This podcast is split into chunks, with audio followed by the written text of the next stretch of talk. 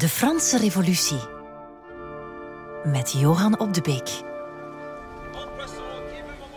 Het is 13 juli 1793 en de straten van Parijs bakken onder de zomerzon. En uh, wie uh, daar uh, veel last van heeft, is Jean-Paul Marat. Jean-Paul Marat, ja, de... Kijk, Robespierre, dat was de, de man die de zuiverheid predikte en Marat. Dat is eigenlijk de zwabber uh, die uh, ja, de, de grote kuis voltrekt met, zijn, ja, met het, het, spuwen van, van beledigingen en verdachtmakingen, lijsten van namen waar hij dan niet bij zegt, maak ze kapot, maar daar komt het eigenlijk wel op neer. Een man die, die vooral ja, de, de vrijheidsnormen aan de wilgen heeft gehangen, maar vooral de gelijkheid uh, nastreeft en dat vooral wil door ja, wilde gelijkheid in te voeren, uh, inkomensgelijkheid en heel veel geweld. de man die voortdurend... Ja, mensen die die de, niet de maatschappij willen veranderen, maar de mens willen veranderen. Niet uh, ja, de wereld willen verbeteren, maar de mens zelf willen verbeteren. En, en wel nu meteen. En dat, dat, ja, dat zijn dan dat gaat gepaard met geweld en dat zijn dan in hun ogen oneffenheidjes uh, op, op de weg naar het algemene geluk. En dat heeft gevolgen natuurlijk, uh, vooral omdat hij, hij is een volksheld hè, die is de man die het opneemt voor de gewone luidjes en, en gevierd wordt en zo verder. En, en hij wordt gevolgd. Maar de man heeft ook uh, last in zijn privéleven. Hij heeft zich namelijk een, een ziekte op de hals gehaald we zeggen nogal onappetijtelijk hoor, want hij wordt geteisterd door een stekelig eczeem en, en bij gevolg ook ondraaglijke jeuk. En om die last te verlichten, uh, ligt onze vriend Marat, onze scherpschutter, uh, ligt eigenlijk urenlang in zijn pad. Met zo'n witte doeken tulband om zijn hoofd en krabt zich voortdurend, uh, uh, veel weldoend water over de schouders schieten en allerlei zalfjes. Het helpt allemaal niet. Uh, maar, maar, maar, maar, hij blijft wel schrijven. Hè. In dat bad, het ene blad na het andere fladdert daar op de grond. Vol, ja, vol oproepen om de wereld gelijk te maken en te verbeteren. En daar het nodige geweld niet te schuwen. En, en zo komen we terug op die 13 juli, want dat zijn we. En er wordt er wordt aangeklopt aan het huis. Het is het huis dat helaas niet meer bestaat, want vandaag staat er, het is gebouwd in de 19e eeuw, uh, de École de Médecine.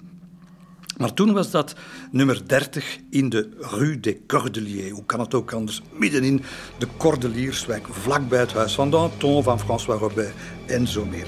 En op nummer 30 komt daar die 13 juli een jonge en, en nogal bevallige, we weten dat omdat ze geschilderd is, uh, afgebeeld is, een nogal bevallige jonge vrouw uh, aankloppen.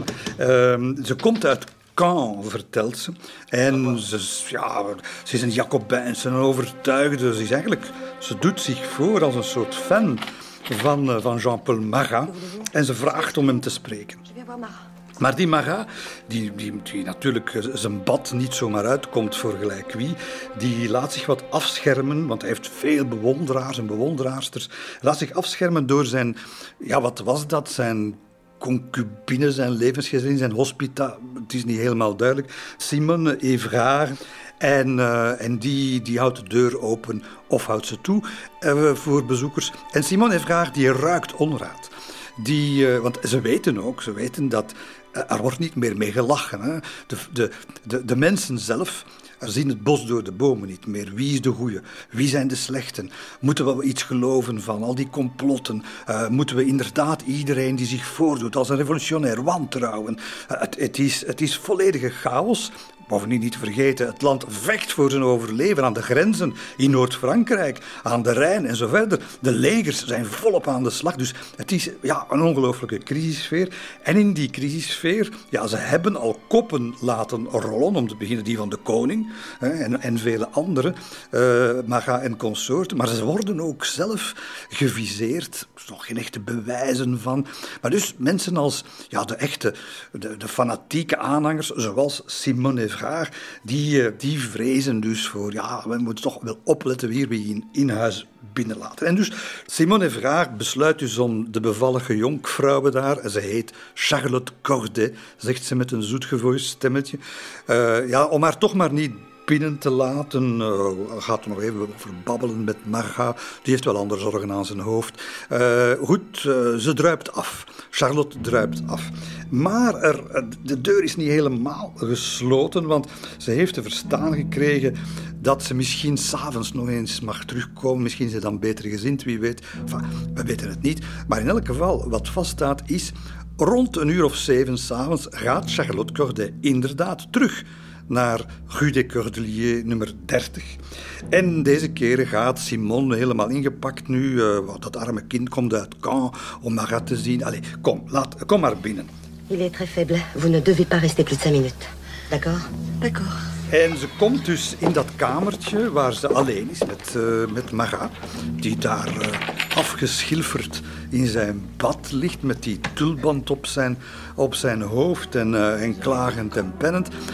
en Charlotte Corday, die, die, zet een paar stapjes in zijn richting en uit een paar bewonderende opmerkingen, die je maar aan nauwelijks hoort, want hij is, die, hij is eigenlijk ongevoelig voor complimenten. Het is, het is een, een, harde, een harde schavuit.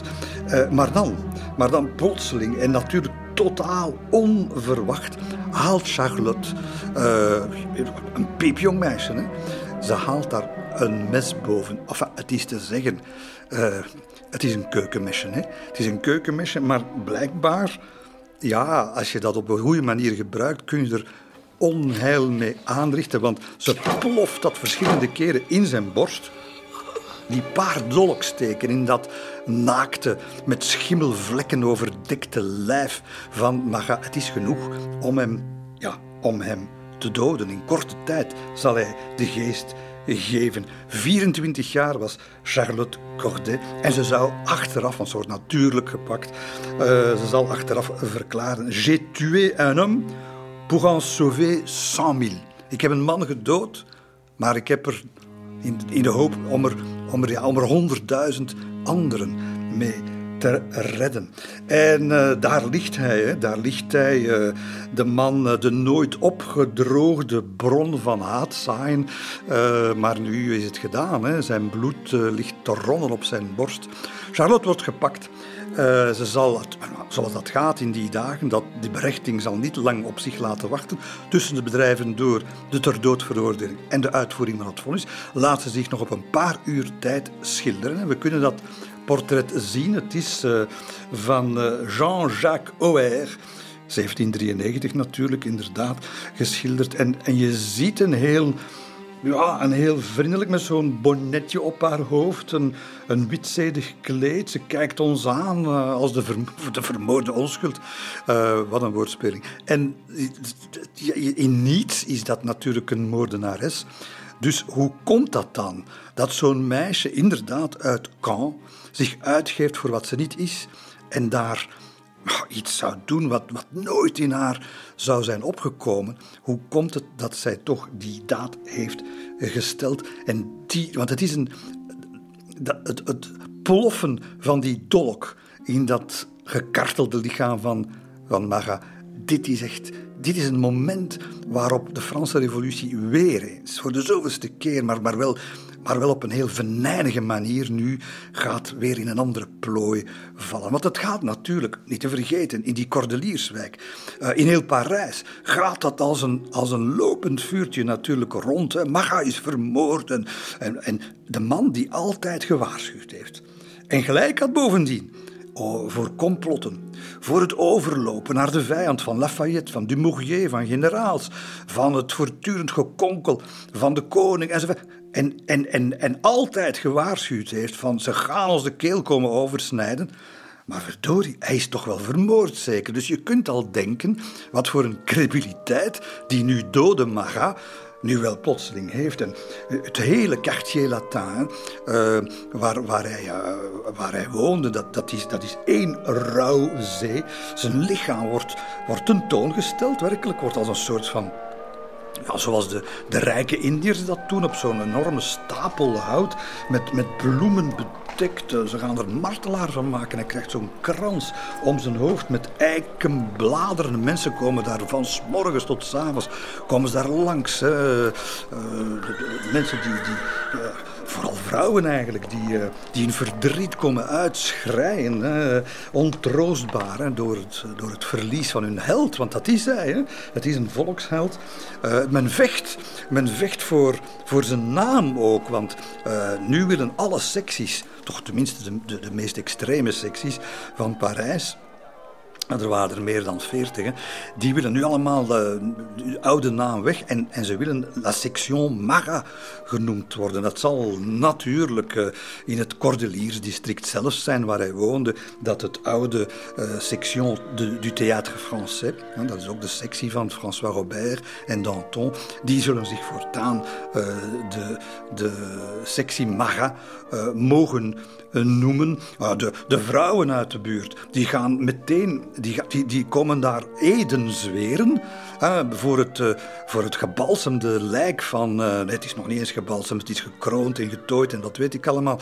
Ze komen daar eden zweren dat ze hun kinderen voortaan zullen opvoeden volgens le culte de Mara, de cultus van Mara. En ze gaan zijn, tussen aanhalingstekens, zijn evangelie volgen. Hij wordt soms door sommigen letterlijk, letterlijk vergeleken. Zijn dood ook wordt vergeleken met die van Jezus Christus.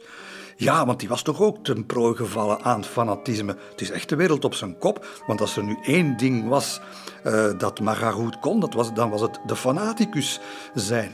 Maar dat is, dat is de sfeer waarin het zich nu allemaal begint af te spelen. En bovendien een, een vrij ongezonde sfeer letterlijk te nemen. Want uh, vergeet niet, we zijn midden juli, de zon brandt en uh, hij uh, was al vrij ja, onwelriekend, onze, onze Maga, bij leven, maar bij dood, nu hij daar een paar dagen ligt in de hitte, begint zich daar toch wel een aardig lijkgeurtje te verspreiden, dus ze moeten daar iets aan doen. Enfin, ze gaan hem, ze gaan hem uiteindelijk, ze gaan ze beslissen om hem te begraven in het Pantheon, het, het grote, de, de, de, de kapel, de grote kathedraal waar alle belangrijke figuren uit de revolutie zouden, uh, zouden begraven worden.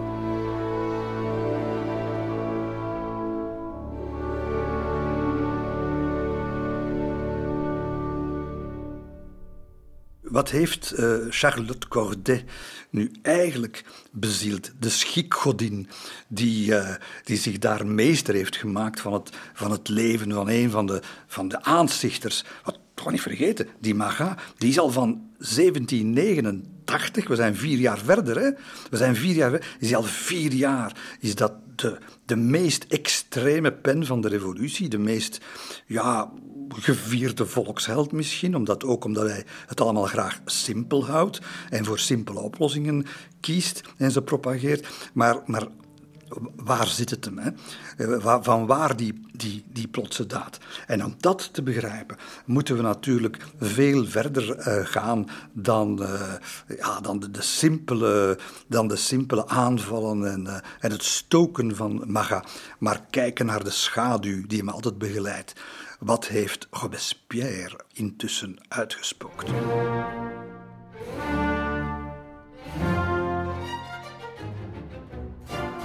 Wat er eigenlijk aan de hand is, wat eigenlijk heeft geleid tot uh, die, uh, die dood van Marat, ja, dat is de, de fractiestrijd binnen de revolutie. Uh, Robespierre die heeft al duidelijk opgeroepen tot opstand tegen de conventie. Veel te gematigd. Danton die is bang geworden, want die dreigt door Robespierre aan de kant te worden geschoven, die nog radicaler is. En op zijn beurt dreigt ook Robespierre voorbijgestoken te worden door een nog extremere figuur. Eh, de, eh, de man uh, Hébert met zijn kranten en zijn grote mond, die zegt de lotsverbetering van de gewone man na te streven. en die dat alleen met, met geweld mogelijk acht. En dan heb je natuurlijk nog Marat, die, die in, in chaos eigenlijk het middel ziet voor alle kwalen. En zij hebben allemaal uiteindelijk verschillende oogmerken in die, in, met die revolutie, maar ze hebben wel één ding gemeen met z'n allen, en dat is die, die volksvertegenwoordiging, die conventie, die eigenlijk nog een beetje stamt uit die eerste volksvertegenwoordiging bij het begin van de revolutie, 1789, wel die is te gematigd. En daar zit daar ook een groep mensen in. Men noemt ze de Girondijnen. Veel van hen komen uit de Gironde, maar er zijn ook mensen uit andere streken van Frankrijk bij. Er is bijvoorbeeld ook een Condorcet bij. En dat zijn, ja, dat zijn, ze zijn nogal talrijk. Ze zijn niet georganiseerd, maar ze willen niet uh, zo ver gaan als al die groepen die ik zo net heb opgenoemd. En eigenlijk hebben ze dus allemaal het is een monsterverbond. Hébert, Marat, Robespierre, Danton en zo verder. Een monsterverbond en ze willen die, die conventie eigenlijk, ja, daar heb je het weer, uitzuiveren. En dat gaat gebeuren uh, in, de, in de nacht van 1 op 2 juni. Dus dat is het moment eigenlijk, dat we zijn, we zijn meer dan een maand voor de, de moord op, op Marat, maar in de nacht van 1 op 2 juni uh, worden er in Parijs allerlei raadplegingen gehouden die niet mogen gekend zijn. Duistere vergaderingen waar niemand mag van weten en die om vier uur s ochtends, om vier uur, een, een volkomen onwettig nieuw orgaan oprichten, het Comité Central revolutionair, dat bevelen gaat geven aan de Nationale Garde en aan zijn commandant, Henriot, een echte Jacobijn, uh, maar totaal wederrechtelijk. Dat, dit is volkomen ongrondwettelijk, volkomen onwettelijk, uh, naast tegen de officiële volksvertegenwoordiging. En Henriot die dus beschikt natuurlijk over de nodige troepen, die gaat het bevel krijgen, en hij, hij zit in de koe, hè, want dat is het, is een koe, om het gebouw, de Tuilerieën van de conventie, om dat te omsingelen. En hij mag daar eigenlijk niemand buiten laten uh, voor ja, voor wat er uh, staat te gebeuren. Namelijk, men wil eigenlijk, men wil eigenlijk die Girondijnen, die grote groep uh, wat uh, terughoudender revolutionairen, wil men eigenlijk oppakken. En, en, en dan, ja, men weet het eigenlijk nog niet goed wat ermee te doen, maar dat het natuurlijk geen feest wordt, dat, dat, dat, is natuurlijk, dat staat als een paal boven water. Op de Place du, Carrousel, vlak voor de Tuilerieën, laat Henriot zijn zijn meest betrouwbare uh, soldaten opstellen. Dat natuurlijk de, de bataljons uit de, de meest radicale secties van Parijs. Uh, de section des sans-culottes, kun je al denken. Die van Les Droits de l'Homme. Uh, die van de Francs-Bourgeois. Die van de Rue Saint-Antoine in de Marais. En natuurlijk die van, uh, van de, de, de sectie Théâtre Français in de Ja, het gaat toch wel over uh, een, een 12, 15.000 gewapende mannen. En die hebben dus die conventie al eigenlijk van, van bij het ochtendgloren uh, in de smiezen. En wanneer ze daar, de volksvertegenwoordigers om 6 uur, want ze beginnen er vroeg aan aan hun werk, uh, om 6 uur aankomen, dan, ja, dan zien ze daar die gewapende soldaten staan. We weten eigenlijk niet goed wat die daar komen doen. Soldaten weten het soms zelf ook niet goed. Maar voor, voor je het beseft, zit dat gebouw, de hele Tuilerieën en die enorme zaal waar de conventie zetelt, daar, daar staan en zitten en hangen al meer uh, gewapende lieden rond dan dat er volksvertegenwoordigers uh, in dat gebouw zijn.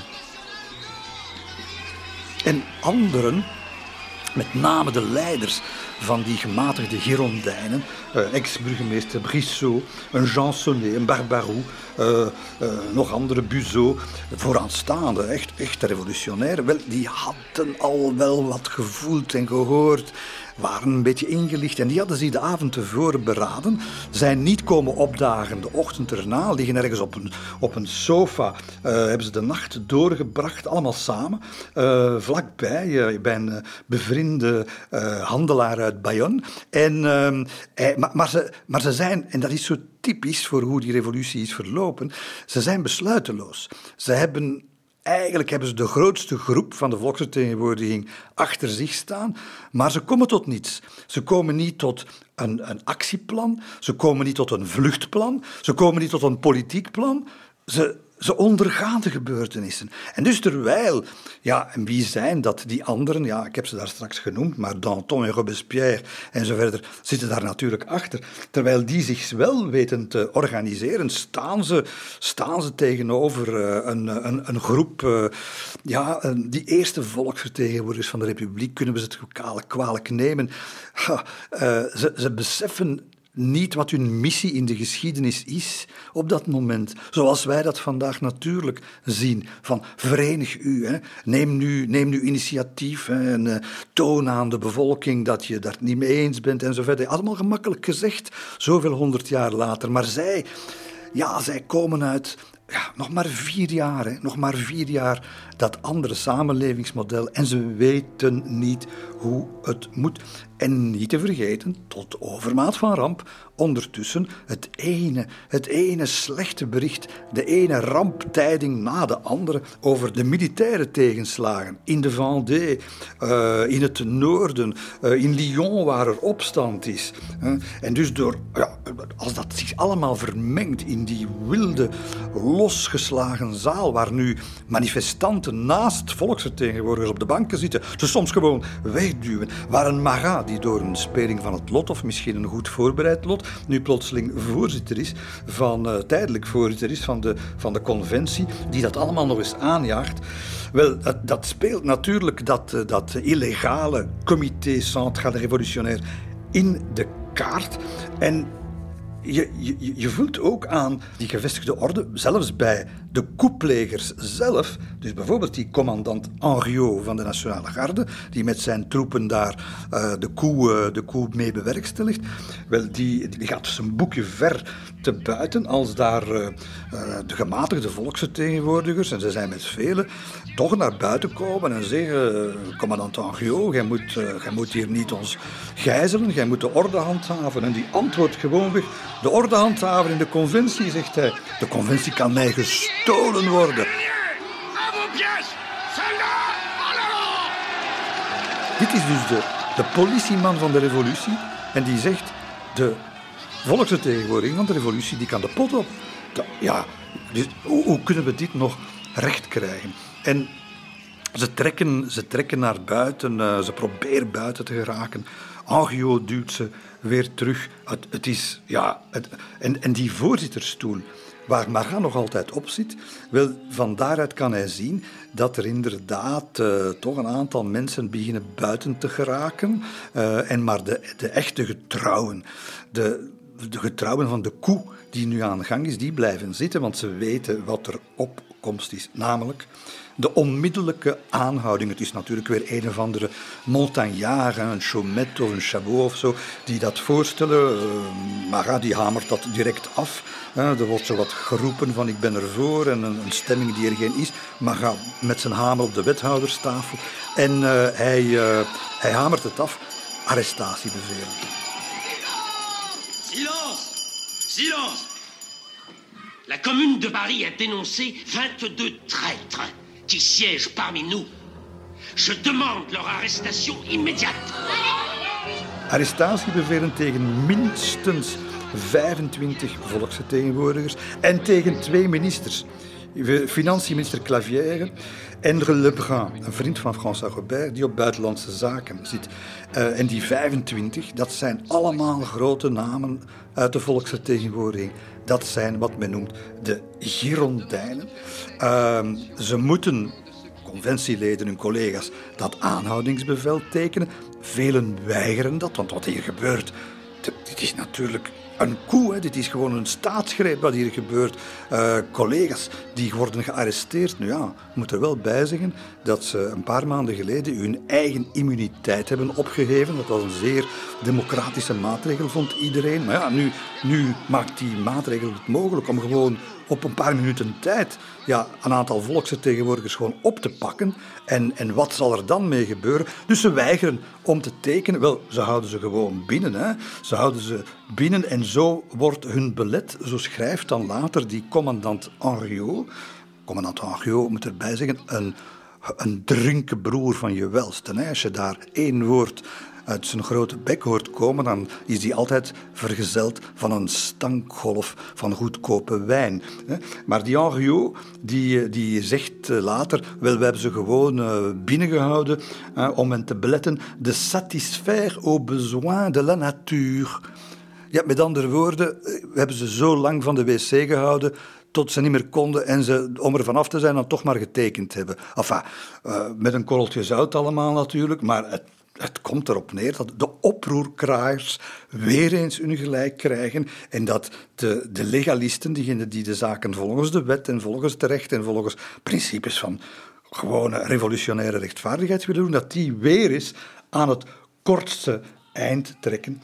En ja, ze worden inderdaad geboeid weggeleid, die Girondijnen. Een aantal, degenen die niet zijn komen opdagen, de avond ervoor ergens zijn gaan slapen, die, die vluchten. Er gaan erbij zijn die zich nog diezelfde week gaan van het leven benemen in één of ander maïsveld uh, tussen de struiken en, en, uh, en, en, in een boerengat. Er anderen zullen nog maanden op de vlucht blijven, maar de, de kern van de gematigde beweging in de volksvertegenwoordiging van de revolutie is weg.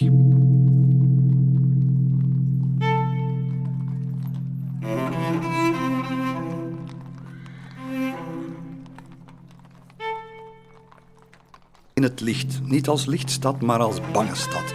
Overal fakkels, lantaarns en overal gewapende sansculotten op zoek naar de verraders van de Girondijnen. En, en, en, en dat zijn ja, de, de rechterzijde, noemt men ze. Maar niet te vergeten, nog maar een paar maanden geleden was deze rechterzijde nog de linkerzijde. Een linkerzijde die uh, ja, vaak uit handelaars en zakenlui bestond, dat is waar. Maar ook wel mensen, en die, die dus de economische vrijheid verdedigden, de, de, persoonlijke vrijheid uh, en de politieke vrijheid. Nog echt geen liberalen, daar is het te vroeg voor. Maar wel de eerste die die schrijnende ongelijkheid in de, in de samenleving hebben bestreden. De eerste die tegen de slavernij van de zwarten hebben geageerd. De eerste die het grondwetgevend werk hebben verricht. Die voor progressieve belastingen waren. De eerste die de, de, de, de, de prille vormen van sociale bijstand voor de allerzwaksten in de maatschappij hebben georganiseerd. De eerste die ijverden voor geweldloze, geleidelijke verandering, wel, dat zijn degenen die nu achter de tralies zitten. En door wie zullen ze worden vervangen nu de revolutie zichzelf begint op te eten? Dat is natuurlijk de vraag geweest die heel veel revolutionairen zich hebben gesteld. Uh, sommigen hebben ze snel weer opgeborgen, die vraag. Anderen konden ze niet met hun geweten en met hun overtuiging in overeenstemming brengen. Uh, grote mannen, grote namen als Condorcet die op dat moment nog had kunnen kiezen om zich te conformeren, om braaf te zijn, om in de schaapskooi te blijven. Maar hij zal zich, hij zal zich uit alle macht verweren tegen wat hier gebeurt. Grote geesten, maar ook kleine lui. En daar hoort die Charlotte Corday bij. Dat meisje van 24 die zegt maar, ik, ik wil de revolutie, ik ben revolutionair, ik wil die republiek, ik wil die hervorming. Maar ik wil het niet met deze lieden die ja, de, meest, de meest elementaire rechten van een, van, een, van een rechtvaardige, gelijke en vrije maatschappij met voeten treden. Dat wil ik niet. En de schuld legt ze. Ah, het is altijd makkelijk natuurlijk. De schuld ligt nooit bij één man. Ze ligt niet bij Robespierre alleen. Ze ligt niet bij Marat alleen. Het is een collectieve schuld. Maar zo zit het menselijk brein niet in elkaar. Charlotte Corday legde de schuld bij Marat. En het is in Marat zijn, uh, zijn hart dat ze haar keukenmes uiteindelijk zal ploffen. En dat, dat gegeven, de hele, de hele aanloop naar de dood van Marat, de arrestatie van de Girondijnen, Het, het kan nog alle richtingen uit. Maar op het moment dat die maga natuurlijk gemold wordt en men daar een heel verhaal zonder enig bewijs rondhangt van, ja, het was niet alleen Charlotte Corday, nee, dat is natuurlijk het, het tipje van de ijsberg. Dit is natuurlijk het tipje van het complot dat zijn neus aan het raam steekt. We gaan allemaal voor de bijlen, de hele revolutie en zo verder. En, we belanden nu natuurlijk in een, in, een, in een klimaat waarin het voor die, die hardliners in de revolutie veel, veel, veel gemakkelijker wordt om nu heel snel uh, ja, een, een regime in te voeren dat, dat harder, dat sneller kan werken, dat, maar dat zo ondemocratisch zal zijn als het maar mogelijk is. En dat is natuurlijk een uh, regime dat we gaan vereenzelvigen met de terreur. En het is op uh, 30 augustus uiteindelijk dat in de Club des Jacobins uh, dat begrip terreur voor het eerst, maar zeker niet voor het laatst gaat gebruikt worden. En het is niet Robespierre die dat heeft uh, naar voren gebracht. Nee, want zo, zo, zo, werkt dat niet bij Robespierre. Het is iemand anders die zal roepen: La terreur est à l'ordre du jour. En dan een geweldig applaus daarachteraan. Nee, maar het is wel Robespierre die het allemaal aanvoelde. Die aanvoelde dat het moment daar was dat, dat die radicalisering zou volgen. Dat die revolutie nog onverdraagzamer, autoritair en extreem uh, aan het worden was. En als hij aan het roer wilde blijven, uh, hij en zijn, en zijn groep, ja, dan, dan moesten ze natuurlijk, dan zaten ze in een concurrentiestrijd met, uh, met de lieden die nog extremistischer waren. En Robespierre die voelt dat allemaal zeer goed aan en, en die gaat in plaats van natuurlijk tegen de stroom in, gaat hij met de stroom in en doet, dat is typisch Robespierre, doet alsof hij het eigenlijk allemaal uitgevonden heeft, zodanig dat hij dan achteraf niet de schuld kan krijgen, maar wel in elk geval niet door het, het volk, door de achterban kan beschuldigd worden van nalatigheid, van middelmatigheid van gematigdheid. Nee, hij zegt op die avond van 30 augustus ten aanzien van een kolkende, een kolkende zaal. Wie zich verdraagzaam toont tegenover verraders is nog slechter ten aanzien van het volk dan de verraders zelf. Het volk eist vergelding. Dat is een legitieme eis en de wet mag dat niet beletten. En dat soort taal, het is niet Robespierre die, die daar eh, uniek in is. Hè. Hij wordt voortgestuurd door anderen. Neem nu bijvoorbeeld hier uh, Jean-Baptiste Drouet. Ik weet niet of u zich die naam nog herinnert, maar Drouet, dat was de voormalige postmeester uit Varennes, die de, de gevluchte koninklijke familie had erkend en die dan de, de arrestatie in gang zet van de koning. En die Drouet die heeft het ondertussen uh, goed vergeschopt hoor, want hij is volksvertegenwoordiger nu. En wat heeft hij al maanden tevoren gezegd? Hij zegt, gedaan met alle medelijden voor de vijanden van de revolutie. Wie nog maar de schijn wekt van kwade bedoelingen, die moet achter de tralies. Wij moeten moorden zonder pardon, zegt onze ex-postmeester. Wij moeten, wij moeten, zegt hij, ons gedragen als bandieten. Ja, dat is natuurlijk taal die uh, de extremisten gebruiken. Dat, dat zal je Robespierre nooit horen zeggen. Maar wanneer hij op 30 augustus natuurlijk die, dat, gedoogt en, en, en ja, dat op een, op een soort van uh, juridische manier gaat verantwoorden ook, ja, dan is het hek van de dam. En het is diezelfde avond, nog na de toespraak van Robespierre, dat de Jacobijnen het begrip terreur officieel gaan aannemen als, ja, als naam, als benaming uh, voor een regeersysteem dat bedoeld is, dat gemaakt is om de revolutie te beschermen. De Franse Revolutie Ondertussen breken er opstanden uit in het land. Eh, niet alleen de Vendée, eh, maar Avignon, Lyon, Marseille. Een beetje overal eh, die met harde hand worden de kop ingeslagen of net niet.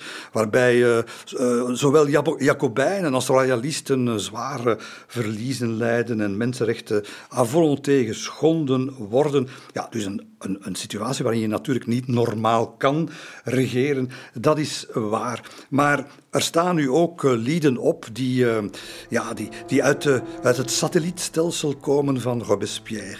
Uh, een ervan is de, de jonge, dat is eigenlijk een, een knappe kerel, een knappe geest ook. Geweldige revolutionair, het is Saint-Just. Maar het is even geweldig als hij is, even gewelddadig, denkt hij. Saint-Just...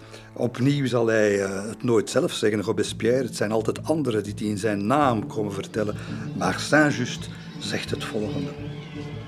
Alles wijst erop dat het goede werk nog niet is verricht en dat u zich niet moet laten leiden door medelijden. De republiek houdt niet in het minste rekening met zwakheden, noch met steriele overwegingen. Zolang het slecht gaat met het land, is iedereen schuldig.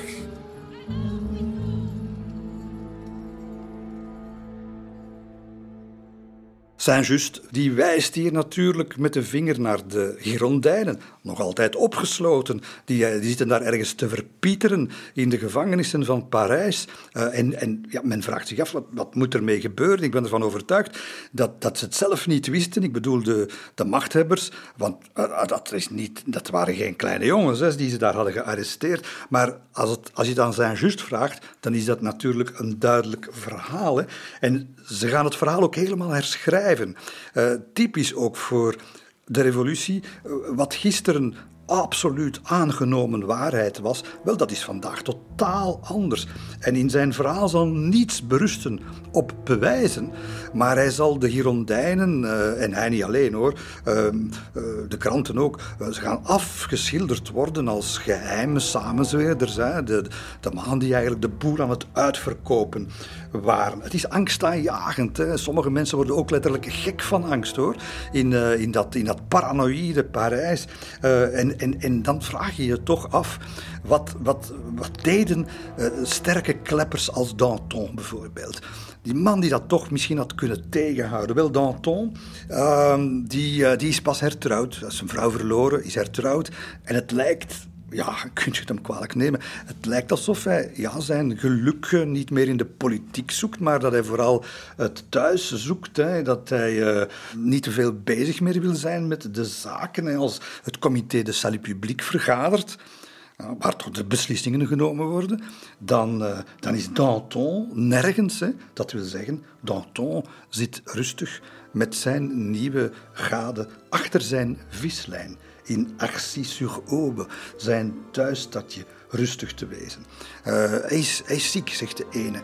Hij is niet, niet goed meer bij zijn hoofd, zegt de andere. Wat zal het zijn? Uh, dat weten we niet. Wat we zeker weten is dat Danton uh, plaats aan het maken is. En de, de, vacature wordt natuurlijk zeer snel ingevuld door Robespierre, die eigenlijk op, op twee weken tijd, hè, in de zomer, op twee weken tijd de, de, de macht gaat verwerven. Ik denk dat zelden in de geschiedenis macht zo, uh, zo gemakkelijk veroverd is als toen door de onkreukbare. Want zo wordt hij nog altijd graag genoemd. En zo noemen de gewone mensen hem de man die niks heeft. Die alleen maar zijn, zijn mooi kostuum heeft, maar verder geen bezit, nog vrouw heeft. En, en dus oncorrumpeerbaar is. De deugdzaamheid zelf. Alleen aan het roer staat hij stilletjes aan.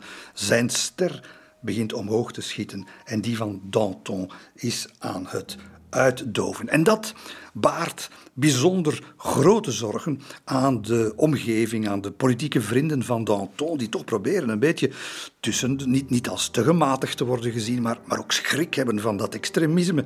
Wat zijn we begonnen en, en hoe krijgen we dit nog recht? Wat, waar, waar gaat dit eindigen en wat is mijn verantwoordelijkheid, mijn rol eh, nog in, in dit alles?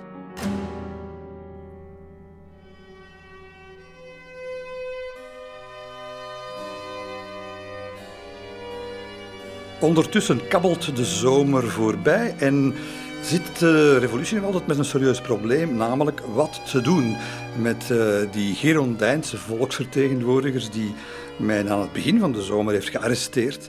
Grote namen, een arrestatie waar uh, een serieus geurtje van onwettelijkheid rondhangt. En, en natuurlijk mensen die, ja, die voor de publieke opinie, voor zover dat, uh, dat bestaat en bestond, die natuurlijk ja, absoluut niet geïdentificeerd worden met contra-revolutie. Als het om hoge edelen gaat of priesters die uh, alleen maar aan koning en paus denken, uh, als het om uh, vrijheid en gelijkheid dwarsbomen gaat, ja, dan is het makkelijk om, om mensen als uitvreters van de samenleving neer te zetten. Maar hier hebben we te maken met Girondijnen, dat is al veel moeilijker natuurlijk, want dat, dat zijn mensen die de revolutie meegemaakt hebben natuurlijk. Dus wat doet men? Notulen worden herschreven, arrestatiebevelen worden na de feiten opgemaakt tête, à la tête du client. allerlei politieke toverkunstjes worden uit de hoge hoed getoverd om hen te diaboliseren. antidemocratische methodes. Hè, die, die, men zit eigenlijk de totalitaire dictatuur te verpakken als democratie. En we zitten eigenlijk de democraten te verpakken als, uh, als uh, pseudo-dictators. Daar komt het zo'n beetje op neer. Hoe het allemaal moet aflopen, ja, daar bestaat in het hoofd van de, van de extremen natuurlijk geen twijfel over.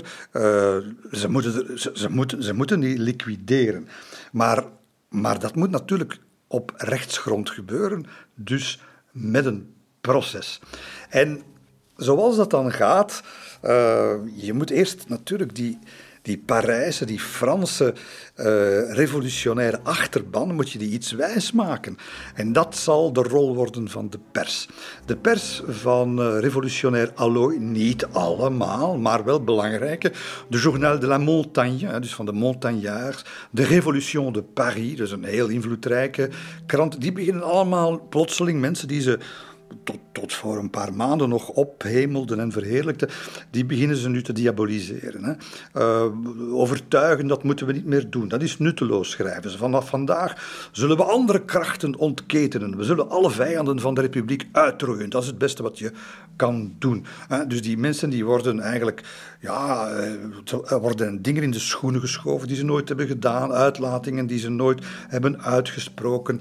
Uh, en, en dus je krijgt een hele uh, een amalgaam van toespraken, van krantenartikels, van geruchten, van fake news natuurlijk, die, uh, die de vestiging van de terreur voorbereiden en tegelijkertijd de publieke opinie rijp maakt voor, uh, ja, voor het idee dat alleen die terreur nog de goede werking van de revolutionaire instellingen kan garanderen. Terwijl het, terwijl het natuurlijk net het omgekeerde is, want er worden gewoon volksvertegenwoordigers die niks hebben misdaan uh, aan de schandpaal en dan vervolgens onder de guillotine gepraat.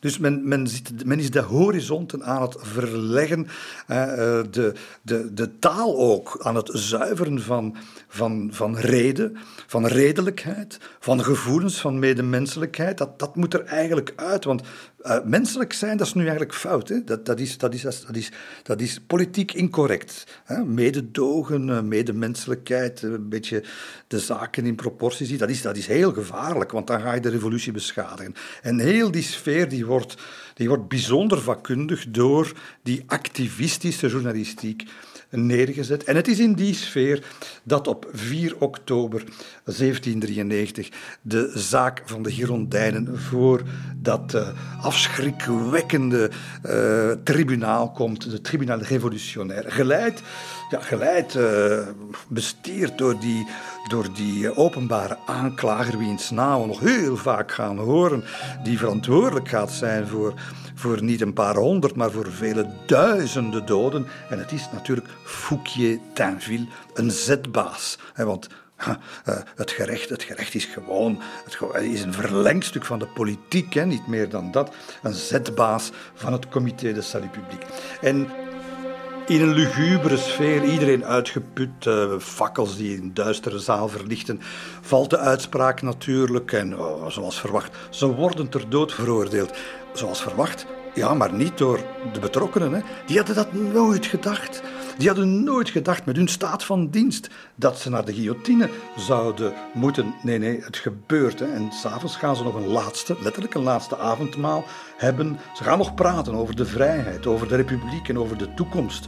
En over wat ten ochtends te wachten staat iedereen ondaan hè, in de conventie, wanneer dat, daar, dat nieuws daar binnen suipelt. Camille Dumoulin, die, die begint nu te beseffen. Mijn god, zegt hij, wat, ik, ik ben het die hen heeft gedood. Hè, want hij heeft serieus van leer getrokken tegen, tegen hen. Ja, en het, het, het zal natuurlijk fataal moeten gebeuren met een dramatiek zoals die alleen in de Franse Revolutie mogelijk was. Het is zacht weer. Beetje regenachtig, wind uit het zuidwesten. De grote poort van de conciergerie gaat, uh, gaat open. Er staan vijf karren te wachten, waarop uh, in morbide stilte die, die 21 veroordeelden uh, plaats gaan nemen, die eminente veroordeelden. Ze rijden door de Rue Saint-Honoré natuurlijk. En ze gaan daar passeren, onder de ramen van het huis Duplay, nummer 398. Wie woont daar? Robespierre. En ze gaan daar, de, de koetsen, enfin de koetsen, de, de boerenkarren gaan daar stoppen. En ze gaan daar uit volle borst. Uit volle borst gaan die veroordeelden staande, rechtstaande in die vier karren. Uit volle borst de Marseillaise zingen.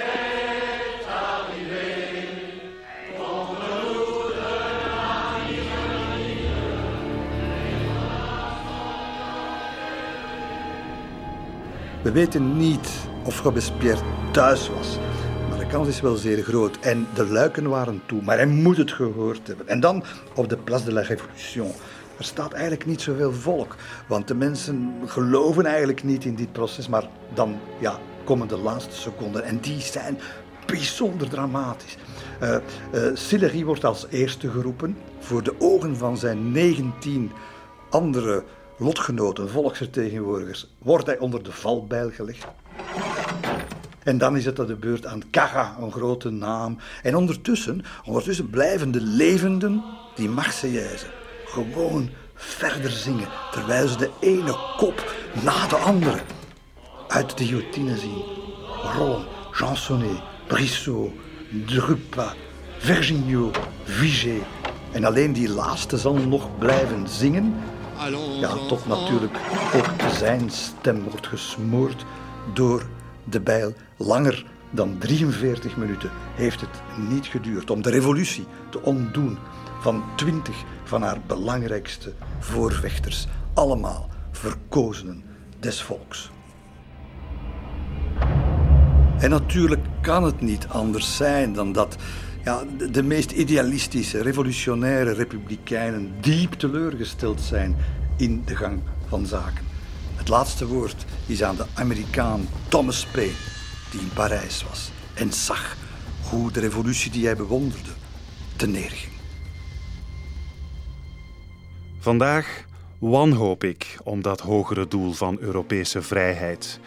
Mijn wanhoop is niet het gevolg van de buitenlandse allianties, noch van de intriges van de aristocratie en de priesters, maar is het gevolg van het turbulente wangedrag waarmee de binnenlandse zaken van de huidige revolutie worden afgehandeld.